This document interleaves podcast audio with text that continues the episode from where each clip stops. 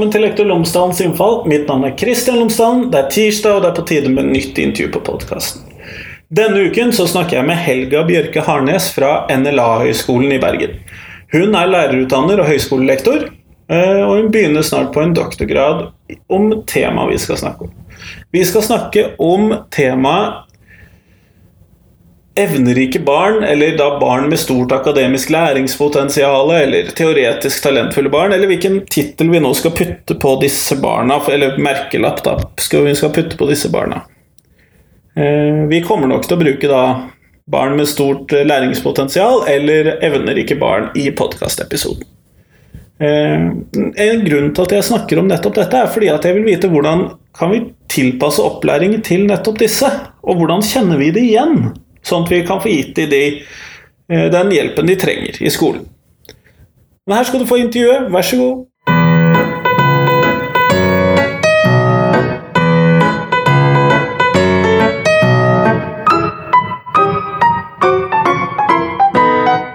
Tusen takk for at jeg har fått lov til å komme og besøke deg her på NLA, Helga. Takk for at du ville komme og inviterte meg til podkasten din. Eh, før vi starter med selve intervjuet, kunne du ha fortalt lytterne mine tre ting om deg selv? Mm. For de som ikke skulle kjenne deg fra før. Ja. Jeg er lærer, og det er en del av min identitet. Vi snakker med noen kollegaer her, og en del har forsker som sin hovedfaglige identitet. Men min er lærer. Jeg har vært i, eh, på mellomtrinnet og litt vikar i ungdomsskole og videregående, og så nå er jeg på høgskole. Men fortsatt lærer. Og så er jeg storbarnsmor, så den ene sønnen min sa en dag. Så begynner få, jeg liksom ikke Jeg er forbi det der jeg... Så han nekter å være småbarn? Ja, nei, nå er han stor. så, um, og det tenker jeg er noe som har påvirka livet mitt i veldig stor grad i 14 år. Å være mor. Så det må med. Eh, og så er jeg eh, engasjert, nysgjerrig analytiker, egentlig. Som, eh, jeg ser på eh, forskningsinteressene mine, f.eks., så går det litt i mange retninger. Eh, kan fort bli engasjert i nye temaer. Og, ja, og det gjelder vel egentlig på hjemmebane òg. Um, ja, blir lett engasjert. Og kan hoppe på f.eks. en podkast når jeg får invitasjon. Så bra. Og det er nettopp en av disse forskningsinteressene dine som jeg har lyst til å snakke med deg litt om her i dag. Mm. Fordi at du er jo da høyskolelektor her på NLA. Ja. Og hvor du bl.a. ut fra hva jeg har sett, holder på med bl.a. evnerike barn og deres eh, plass i skolen, da, hvis vi skal kunne kalle det det. Mm. Um, og en av de store tingene som eh, gjelder, er jo dette med tilpasset opplæring, og i hvilken grad vi får til det. Mm. I- hva tenker du rundt om hvordan vi skal få til tilpasset opplæring også for denne gruppen elever? Mm. Eller hvilken plass har de i skolen til Ja. nå? Ja, for, ja, for jeg tenker vi må nesten starte der. Eh, for det første steget på veien til å få til det, er jo å anerkjenne at disse elevene fins i det hele tatt, på en måte. At, det, at det er ei gruppe elever som har behov for tilpassa opplæring. Eh, og det er mange begreper ute her. Det er evnerik, det er stort læringspotensial, det er talentfull, det er eh, akademisk talent. Altså det, det er mange begrep. Eh, jeg bruker nok evnerik og stort læringspotensial litt om hverandre. Um, og så ser jeg en del eh, reaksjoner i aviskronikker, f.eks. Så ja, evnerik. Alle barn er evnerike. Alle barn har evne til å få til noe. Ja, selvfølgelig. Eh, alle barn har talent for et eller annet. Ja. Eh, alle barn har læringspotensial. Ja. Eh, sånn at det, En må si noe om hva som er innholdet i det ordet, tenker jeg. Eh, og da er det jo en høyere enn gjennomsnittlig jevn aldring eh, kognitiv eh, evne, ferdighet. Og det går jo på hukommelse, eh, abstrakt tenkning, eh, kompleks tenkning, tidlig språkutvikling, f.eks. Um, og et engasjement for og utholdenhet i oppgave. Eh, og eh, kreativitet. Eh, at en er kreativ i, i løsninger eh, av oppgaver, f.eks. er sånn eh, vanlige Tre sånne vanlige punkter har med en snakker om det. Eh, samtidig så er det vanskelig å finne en felles eh, definisjon, for det, det er nok noe som forskere må jobbe videre med.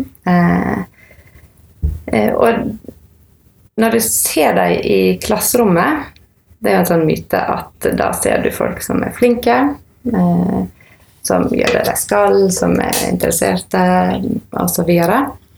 Mm, men dette kan komme til uttrykk på helt andre måter. Ja, for de er ikke bare blant flinkisene. Nei.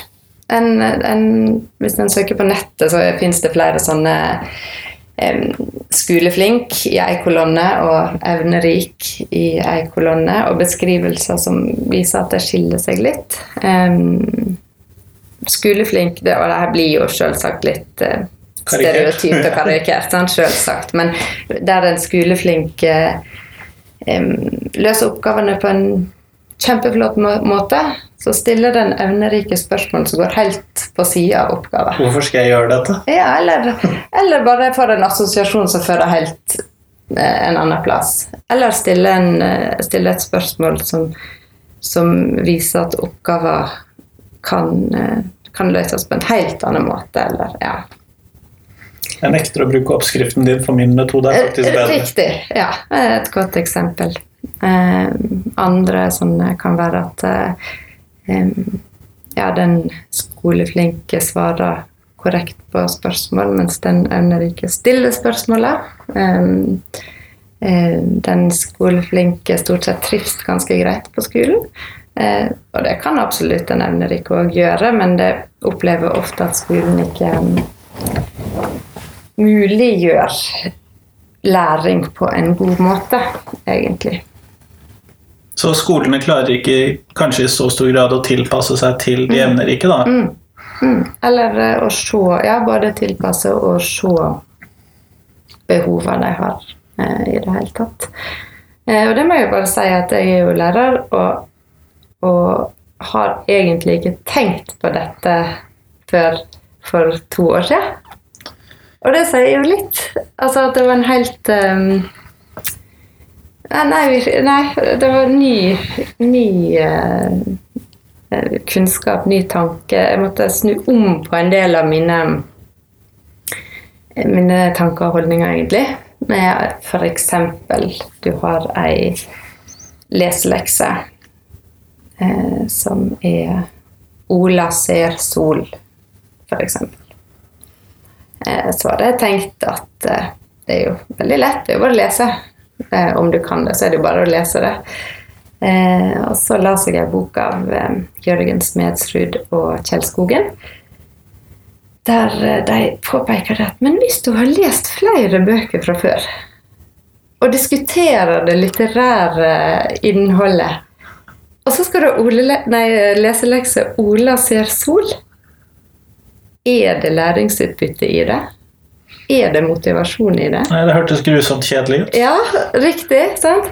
Så, men for meg så var det det, og det, kanskje for deg så er det helt eh, Så har du jo alltid tenkt sånn, men for meg ble det en aha-opplevelse. Bare ah, Det er jo egentlig helt eh, Nesten absurd eh, å, å tenke en sånn mal på absolutt alle. Skal lese Ola sola, for eksempel. Ja. Og det er jo kanskje ikke de evne... Vi blir vel kanskje litt hva skal vi kalle det, dressert av skolesystemet siden, eh, til så Greit, vi har de der som der nede på skalaen, de må vi få opp. Så får de andre seile kanskje litt sin egen sjø. Sånn fra ledelsesperspektiv, tenker jeg på. Mm, og jeg tror nok det at det å seile sin egen sjø kanskje ikke beskriver helt hvordan folk tenker, for jeg tror mer det de klarer seg sjøl. Altså, det, det er ingen problem for dem å klare seg sjøl. og jeg vet at foreldre kan oppleve det veldig vanskelig å snakke om dette, fordi det kan bli oppfatta som at en pusher sine egne barn til å, å f.eks. komme videre i klassetrinn i matte, f.eks. Ja. Du ønsker at ditt barn skal komme så langt som mulig, eller bli så best som mulig. Tigerforeldre. Ja, sant? Eh, mens det som eh, Eller sånn som du skisserer, at du pusher ditt barn som egentlig er bare heldig fordi er flink, han eller hun er flink, eh, men du pusher det eh, på bekostning av de andre som trenger noe. Der foreldre da gjerne ser at det er barn som ikke hadde gått på skolen. Og for noen så er det jo en uutholdelig situasjon på skolen, og de ønsker at barnet sitt skal ha det godt. Eh, så, så det er jo kjempeviktig, tenker jeg, å ikke spille grupper ut mot hverandre her. Eh, og faktisk i europeisk sammenheng så er jo eh, evnerike eller med stort læringspotensial ansett som ei sårbar gruppe som trenger tilrettelegging, mens i Norge har det vært en veldig utbredt holdning om at en klarer seg sjøl. Men det viser jo seg at det gjør en ikke alltid. Nei, eh, og jeg har jo hørt en del historier om at disse gjerne blir Noen av de i hvert fall blir den bråkete eleven i klassen, eller de som sitter og kjeder seg, eller dropper ut, eller Mm, mm. Og um, frafall er jo eh, er det en del så, Jeg må jo presisere det at for mange så går jo dette strålende, og mange skoler eh, gjør jo en kjempeinnsats, og mange enkeltlærere gjør en kjempeinnsats. Og samtidig er det store variasjoner fra skole til skole, og innad på eh, skoler. Det er vel kanskje ikke så lett når vi forventes av 28 til 32 Nei. elever i hver klasse. Nei, eh, absolutt. Det, det kommer litt tilbake til det i forhold til differensiering med størrelsen. Men frafall er jo en eh, fare. Underyting. Eh, både bevisst at en ikke vil framstå som annerledes enn resten av barna. Eh, og på den måten at jeg har aldri måttet ha brukt noe energi på skolen, så jeg bare flytta av gårde og kunne gjort mer, men det går fint. Jeg kan ligge her på 4, 5 og seks et eller annet sted. ja, ja, sant. Det, det, og så er det en del som får problemer med at en har dårlige studieteknikker. Og når en da kommer til det punktet at en ikke kan flyte like lett som før, så kan det bli vanskelig å, å merke hva en skal gjøre, rett og slett. Kunnskapshull. Det å være evnerik betyr jo ikke at en eh, at en kan masse, faktisk. Det er jo mer et potensial til læring. Så det er ikke sikkert at de har brukt eh, potensialet Nei. sitt i løpet av skolegangen. Nei. Så en kan ha et uh, høyt potensial for læring og likevel lære veldig lite. Det eh, høres ut som et ganske slående paradoks. Mm. Men hvis vi da skal se på denne tilpassingen, eh, som da en del europeis, andre europeiske land Ja. mener at disse trenger, og som vi Ja. Eh, Hva slags tilpassing er det som eh, en kan tenke at eh, altså en del sånn grovt i organisatorisk og pedagogisk. Nå syns jeg at de to griper jo inn i hverandre, for Det gjør jo stort sett alle sånne kategorier. Ja, sant, de gjør jo det. Men um, hvis en tenker den organisatoriske, så er jo det um, Det kan være egne skoler, f.eks. Um, De såkalte eliteskolene. ja, ja og, og der er jo, det er jo interessant at du bruker ordet elite, for det er jo noe som en eh, Apropos holdninger og ideologi, vil jeg nesten si i Norge, så er jo det at tar du opp dette spørsmålet, så er det elitistisk. Eh, ja. En liten parentes der. Eh, men USA har jo en del eh, sånne skoler, og forskninga der er ikke entydig på at det er positivt eh, for de med stort læringspotensial. Eh, For en, en del forskning viser at det er det, og en del er litt mer um, kritisk.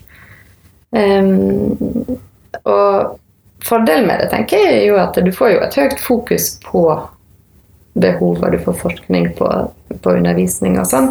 Um, det negative er jo potensialet for en slags um, testindustri, der um, altså Vi snakket om det i forskergruppa her, at barns, barnets beste um, vil jo være veldig sentralt for oss eh, i vår forskning.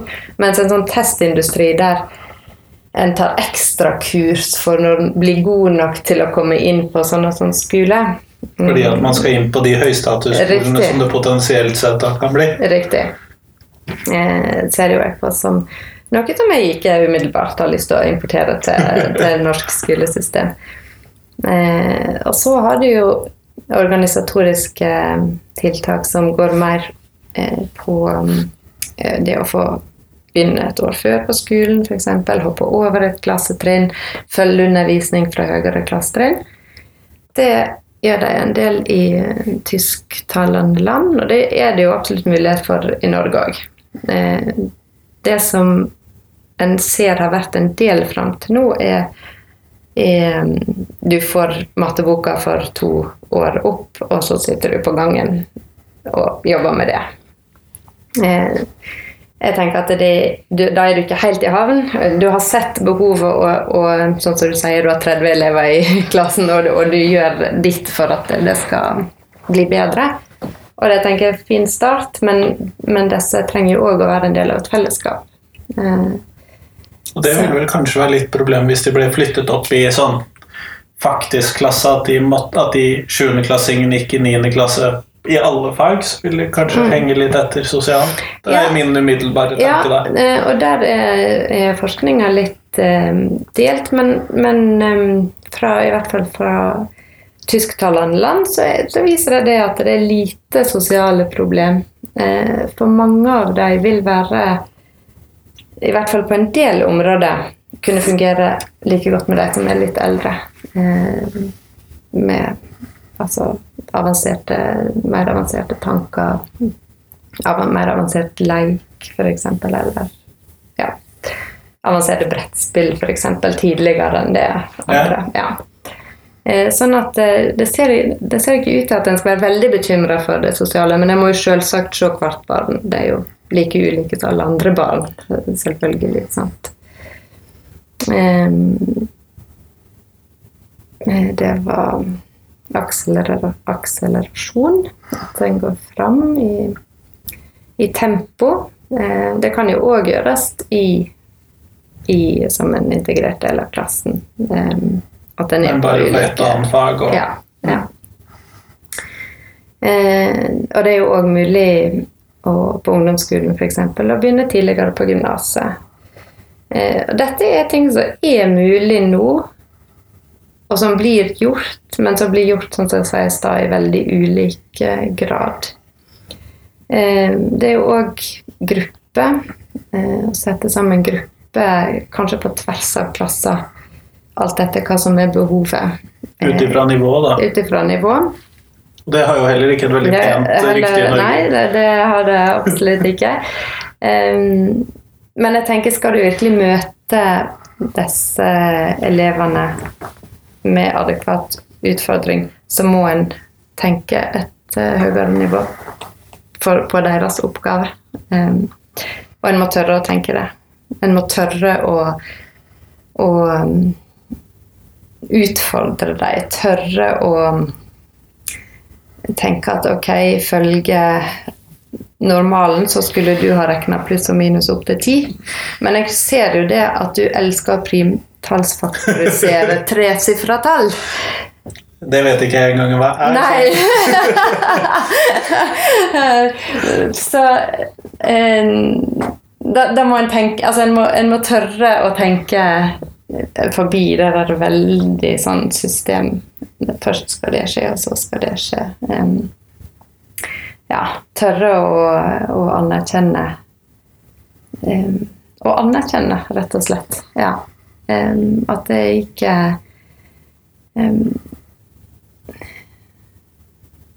At det er greit å tenke annerledes på en måte. Og, og, og løse ting på en annerledes måte og være god ja, for sosial stigmatisering og det å, å ikke føle seg forstått er jo òg en del av disse barna som rapporterer tilbake om det. Ja, det har jeg hørt før, at uh, det sånn sett kan skade sosialt å fortsette mm. der hvor man er. Mm. Ja. Mm. Um, og så er det jo Hvis du tenker på skolesystemet som vi har i Norge, som er egalitært. Den kulturen Jeg tenker når en skal gjøre nye tiltak, så må en ta hensyn til den Eksisterende. Ja, sant. Um, og da tenker jeg Finland og Wales er ikke helt like. Vi liker jo å vise til Finland som noe som er bedre enn oss, men likevel, det er noen sånne kulturelle likheter. Må jo strekke oss oppover hvis vi først Ja, skal ta ja. Eh, og der er jo differensiering eh, eh, viktig. Vi hadde besøk av ei som heter Johanna Raffen i forskergruppa vår, og hun, hun er en viktig person på dette i Wales. Eh, veldig sentral. Og hun sa det at eh, i Wales så ønsker de i mindre grad å teste eh, enkeltelever, men i større grad å finne ut hva nivå ligger alle, og få en mer individualisert læreplan og oppgave og eh, gjennomgang av nytt stoff. Eh, eh, gjennom, og da møter hver enkelt gjennom differensiering av skoledagen. Og det har jeg jo sett for all del når jeg jobba på mellomtrinnet, så hadde du jo Så det, den er jo i gang med. sant? En hadde 'denne skal alle gjøre', 'den er den muntlige oppgaven', 'den er for den som vil utfordre seg ekstra'. Og, så der tenker jeg det er En sånn semifrivillig nivådeling. Mm, ja. Eh, Så jeg tenker at vi er i gang med noe. Og hennes argument var det at dette er noe som kan gagne hele elevgruppa, fordi det tvinger en til å stille spørsmål som ikk- du ikke finner svar på på side 15. Sant? Eh, Det tvinger en til å lage det som en kan kalle rike oppgaver. Tok med Rike oppgaver, da tenker du på? ja, jeg tok med et par eksempel, så skal jeg lese Eksempler ganske ganske direkte. Og det har jeg tatt fra Naturfagsenteret sine nettsider. Enkelt å finne fram. Elevene kan få i oppgave å finne ut hva de bruker energi til hjemme, og om det er flere energiformer enn elektrisk energi som brukes. Hva tror elevene vi mennesker bruker mye energi på, og hva bruker vi mindre energi? Eventuelt kan de ta for seg et døgn, inkludert alt de spiser, energiforbruk når de f.eks. spiller fotball, sykler osv.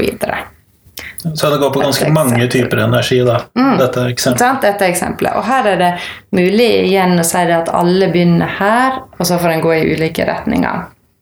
Og i ulik dybde eh, på spørsmålet. Matematikksenteret. Tenk dere at en snekker lager krakker med tre bein og bord med fire bein. En dag hadde snekkeren brukt opp 33 bein. Hvor mange stoler og bord kan han da ha laget? Del ut hobbypinner eller fyrstikker til elevene, slik at de kan bruke dem til hjelp. La elevene holde på med problemet en stund før du kommer med neste utfordring. Finnes det mer enn én løsning? Finn alle mulige løsninger, dokumenter at løsningene passer, eh, ja, eh, osv. Samfunnsfag som er mitt fag, så er det noe av det jeg kunne tenke meg å forske på. Eh, rike oppgaver som er, et vel å ta av. Eh, dilemma. Ja, for nå skal jo du i gang med en eh, ph.d. i Ja, dette. ja. Eh, I dette skråstrek eh, muntlig drøfting tror jeg det blir. Men jeg skal finpusse på skissa nå i høst, så det, vi, vi får se. Um, Sånne prosjekter endrer seg jo fort. det, det gjør det. Har jeg skjønt. Så, så vi får se. Men disse rike oppgavene gir jo da elevene mulighet til å så differensiere seg mer naturlig. Mm. Mm. Men kan man ikke da få at disse underyterne da fortsetter og så ah, Dette holdt. Mm, ja. Eh, jo, for all del, det er jo mulig. Eh, så det er jo om å gjøre da å lage oppgaver som trigger, eh, og som For jeg, jeg tenker noe av underyting er det at du opplever du ikke har behov for å yte. Eh, sant? Du blir holdt igjen. De oppgavene du får, det er sånn at du kan kikke på det, altså ferdig. Når du får eh, engasjement og behov for å yte, så er det mindre sjanse for eh, underyting. Men eh, for all del, hvis du ikke og jeg tenker, Hva klassetrinn er du på? Har du gått veldig lenge som en underyter, så er det jo klart det er vanskeligere å, å snu det. Så dette går jo da litt på det å skape engasjement hos elevene Mm. fra en tidlig Mm. Nå er jo de mest engasjerte elevene ofte de minste, da. Mm, ja, ja, ja, ja, Det er absolutt. Å prøve å holde på det engasjementet, det tenker jeg Ja, det Det er det veldig morsomme med å jobbe i småskolen, er jo de mest mm, mm. Og, og holde på de eh, Jeg tenker, jeg så akkurat nå en video om at alle er født forskere. Og, og jeg tror det er noe i det. Og jeg tror at det egentlig er noe inn mot temaet vårt òg, at eh, Ta vare på de der små forskerne som spør alle mulige slags merkelige, rare spørsmål. Eh, og la dem komme med det og undre seg og um, være nysgjerrig og fryde seg over eh, Ja. Og ikke helt nødvendigvis inn i den malen med at en skal følge både tidspunkt og, og team og, og Ja, for det er jo litt Tema vanskelig sett opp imot den offentlige skolen, som ofte er relativt rigid i et sånt Mm. eh, Hva skal vi kalle det? timeplan og opplegg og læreplannmålssystem. Mm. Ja, absolutt. Og, og det er noe av det som jeg syns var frustrerende, dette med at du har liksom den, og så er du inni noe som du bryter av, og så Ja. Man lurer jo kanskje ikke på naturfagsspørsmål bare i Nei, naturfagstimen. nei, og i hvert fall ikke disse barna her som da virkelig er, er inni er helt oppslukt av det der eh, veldig viktige og engasjerende temaet som de har eh, begynt å, å forundre seg på, og så blir brutt opp. Men jeg tenker det er jo viktig òg å si at um, av og til må en jo bryte opp et tema som en er interessert i. Så jeg mener jo ikke det at Man skal jo eh, ikke bare lære de tingene man har lyst til. Nei, nei, nei, nei. Og en skal heller ikke Ok, du er interessert i det, så resten av denne veka får du eh, sitte borti der. Og jeg tenker en del em, av disse barna kan jo korrigere læreren, f.eks. på feil. Em, kan Det kan jo være utfordrende for oss lærere. Definitivt. Kan eh, jeg syns at det er vanskelig å leke med jevnaldrende som ikke forstår reglene, på en måte. Så selvsagt må en lære seg òg at ja, kanskje en må godta litt slinger i valsen med tanke på at læreren sa kajakk, men det var i en kano, liksom. Altså, sant? Eh, For all del. Jeg, jeg mener ikke at det skal være um, helt individualisert, og at alle er sin egen herre. En er òg en del av et fellesskap. Men det må være en eh, anerkjennelse og imøtekommenhet i forhold til deres behov. Men hvis vi nå da som eh, lærere ute i et klasserom, hvordan skal vi eh, hvordan skal vi kunne forstå at eh, den eleven vi har foran oss, er en av disse elevene? Mm. Og dermed kunne, hvordan skal vi forstå det sånn at vi kan yte den riktige Ja, ja. Jeg tenker at det er et, eh, et veldig bra eh, spørsmål, som det var godt at du stilte. fordi at du ikke er oppmerksom på det, så kan det gå under radaren, eh, rett og slett. Og det er jo det jeg frykter, da, at man har hatt sånne elever i klassen som da ikke har fått nok tilpasning tidligere. Mm, ja, absolutt. Det er jo definitivt eh, det som har skjedd opp igjennom. Eh, da kan en tenke Jeg tenker at samarbeid med foreldre eh, er viktig, bare sånn som et utgangspunkt. Foreldre har et annet inntrykk. Eh, så ta på alvor det som de kommer med. Hvis de har en annen oppfatning på skolen, kan det være bare klovn. Mm. men foreldre forteller om ja, treåringen som lærte å lese uten at noen gjorde det med han, holder jeg på å si, altså selv, Mhm. av seg sjøl. Eh, så det, det tenker jeg er viktig å holde fast på. Det foreldresamarbeidet rundt det. Um, så er det jo sånn som jeg sa, de som stiller spørsmål. Stor grad av nysgjerrighet. Um, stor um, Et komplekst eh, språk. Eh, tidlig språk. Eh, abstrakt tenkning. Kan være ganske intense. At du Å, kreve stimuli kan være ganske følsomme. Eh, og det er jo en plusside med at en eh, kan være empatisk, og, og så er det en minusside med at en kan få ja, bekymre seg for masse. Altså, hvordan skal det gå med miljøet, f.eks.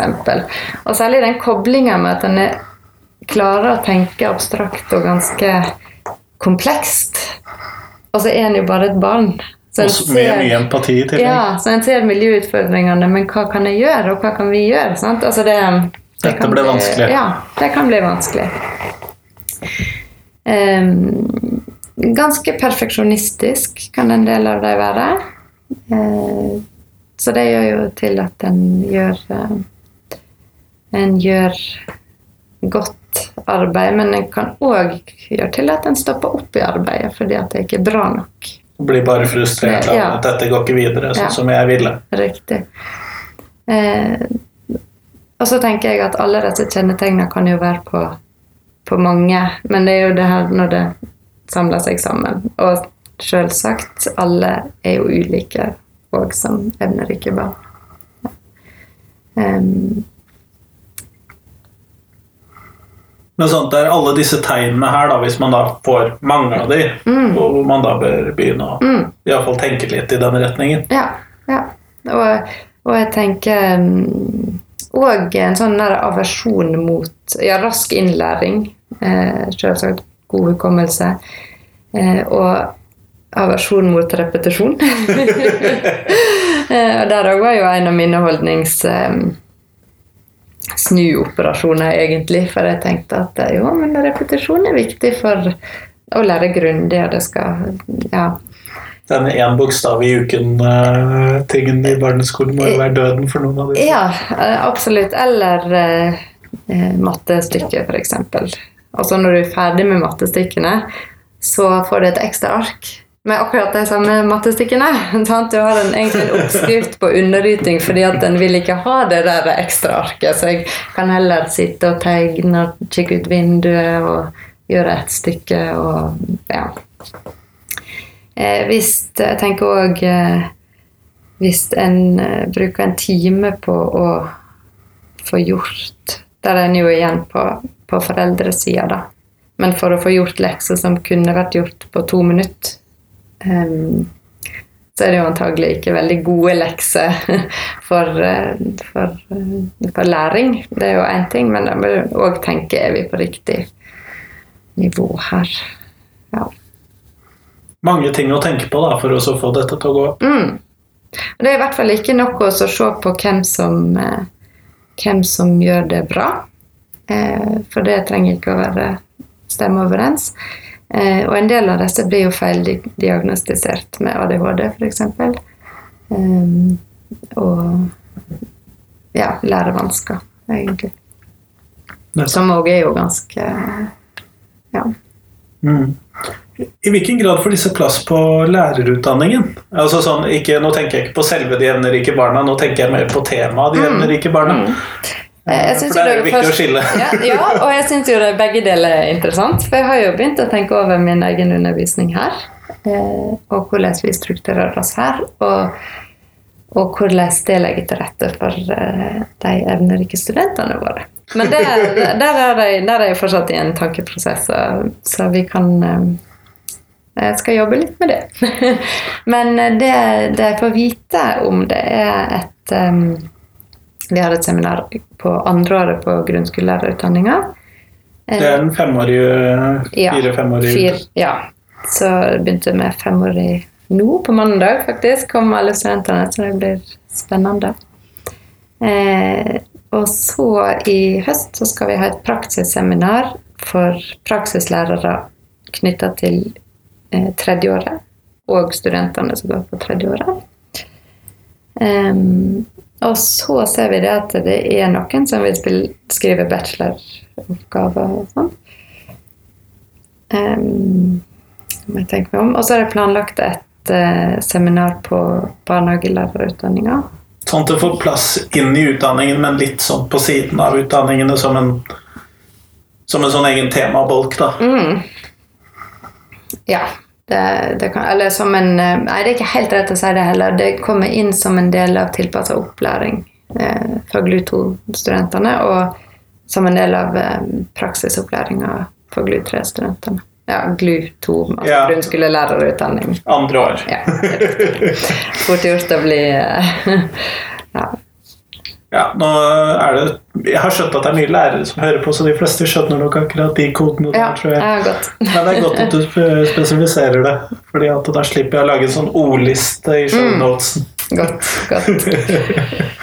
Men sånn at de får til en viss grad plass. Eh, Men jeg er enig, jeg har ikke tenkt så mye på det før om min egen undervisning er god nok for nettopp denne gruppen elever. Mm. Det kan jo være litt sånn ubehagelig å kjenne på. Ja, samtidig så er det jo det som er å utvikle seg, da. det, ja. Så jeg syns jo det er litt uh, Når du ser på hva du har gjort, og, eller hva jeg har gjort, og hvordan jeg har undervist, og hvordan det står i, i samsvar eller ikke står i samsvar med, med det jeg tenker er god undervisning. Det er jo alltid både krevende, men også spennende. Ja, jeg er enig i det. Eh, før vi nå tar oss og går mot eh, avslutning på podkastepisoden, så har jeg lyst til å stille deg det spørsmålet jeg stiller til alle. Eh, og det er hva ville du gjort i morgen hvis du fikk eh, ubegrenset eh, mandat og ubegrenset eh, med midler? Altså norsk skolediktator. Mm. Så hva ville Helga gjort som norsk skolediktator? Ja. tenker det går vel fram eh, her at en fleksibilitet eh, tenker jeg jeg ville, ville prøvd å få til. Da tenker jeg en trenger flere voksne per barn. En trenger et godt samarbeid mellom innad på skolen og mellom skoler. Eh, Støtte fra skoleledelse. Fleksibilitet som gjør at en f.eks. får kurs og kompetanseheving når en trenger det. Nå er jeg i lærerutdanning, og jeg ser at en utdanning kan ikke gi alt. Nei, du får ikke putta inn alt Nei, inni der. en, en gjør ikke det. Så det å få, få oppdatering når en trenger det eh, Fleksibilitet til å kunne ha en gruppe eh, mer mentorordninger. Nå har ikke sagt noe særlig om det, men, men det å få en mentor inn for de som virkelig trenger eh, utfordringer.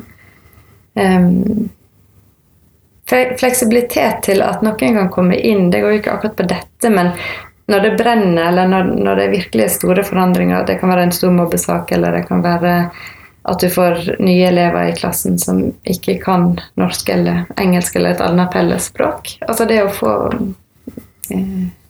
Så mer ressurser, sånn at man kan få Ja. mer fleksibilitet. ja, rett og slett. Eh, og så tenker jeg at en person, i og med at skolen tar over en god del eh, sosiale oppgaver, eh, så tenker jeg at en person som er på skolen, som eh, ikke er lærer, men som de har tillit til, og som jeg kunne snakke med, sånn som helsesøster, det er jo nå, men i større grad. En type sosiallærer eller Ja. eh, type lignende, da. Mm. Det kunne jeg tenke meg å, å fått inn i en ideell verden. Og så tenker jeg at målet må være at elevene, hver enkelt, tenker jeg er verdifull, jeg er viktig for noen, og jeg kan. For jeg tenker at skolen skal òg ja, eh, gi opplevelsen av at jeg kan. Jeg både kan lære og jeg kan en del ting.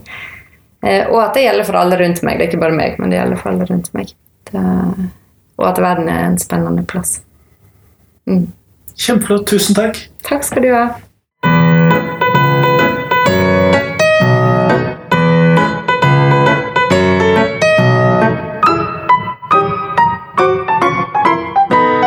Tusen takk til Helga, og tusen takk til deg som hørte på. Eh, nå er det en uke til neste intervju, men jeg håper at i mellomtiden så kan du hjelpe meg med å dele podkasten til flest mulig som du tror kan være interessert i en slik podkast. Og dette kan du jo gjøre ved at du kan skrive en stjernemarkering, du kan like den på Facebook, du kan osv., osv. Så så lenge noen hjelper meg med å dele den, så får flest mulig hørt podkasten min. Eller så håper jeg at du kan sende meg et tips om eh, hvem du tror at kan være interessant at jeg prater med på podkasten. Det ville jeg blitt veldig glad for. Men fram til neste gang, ha en god uke!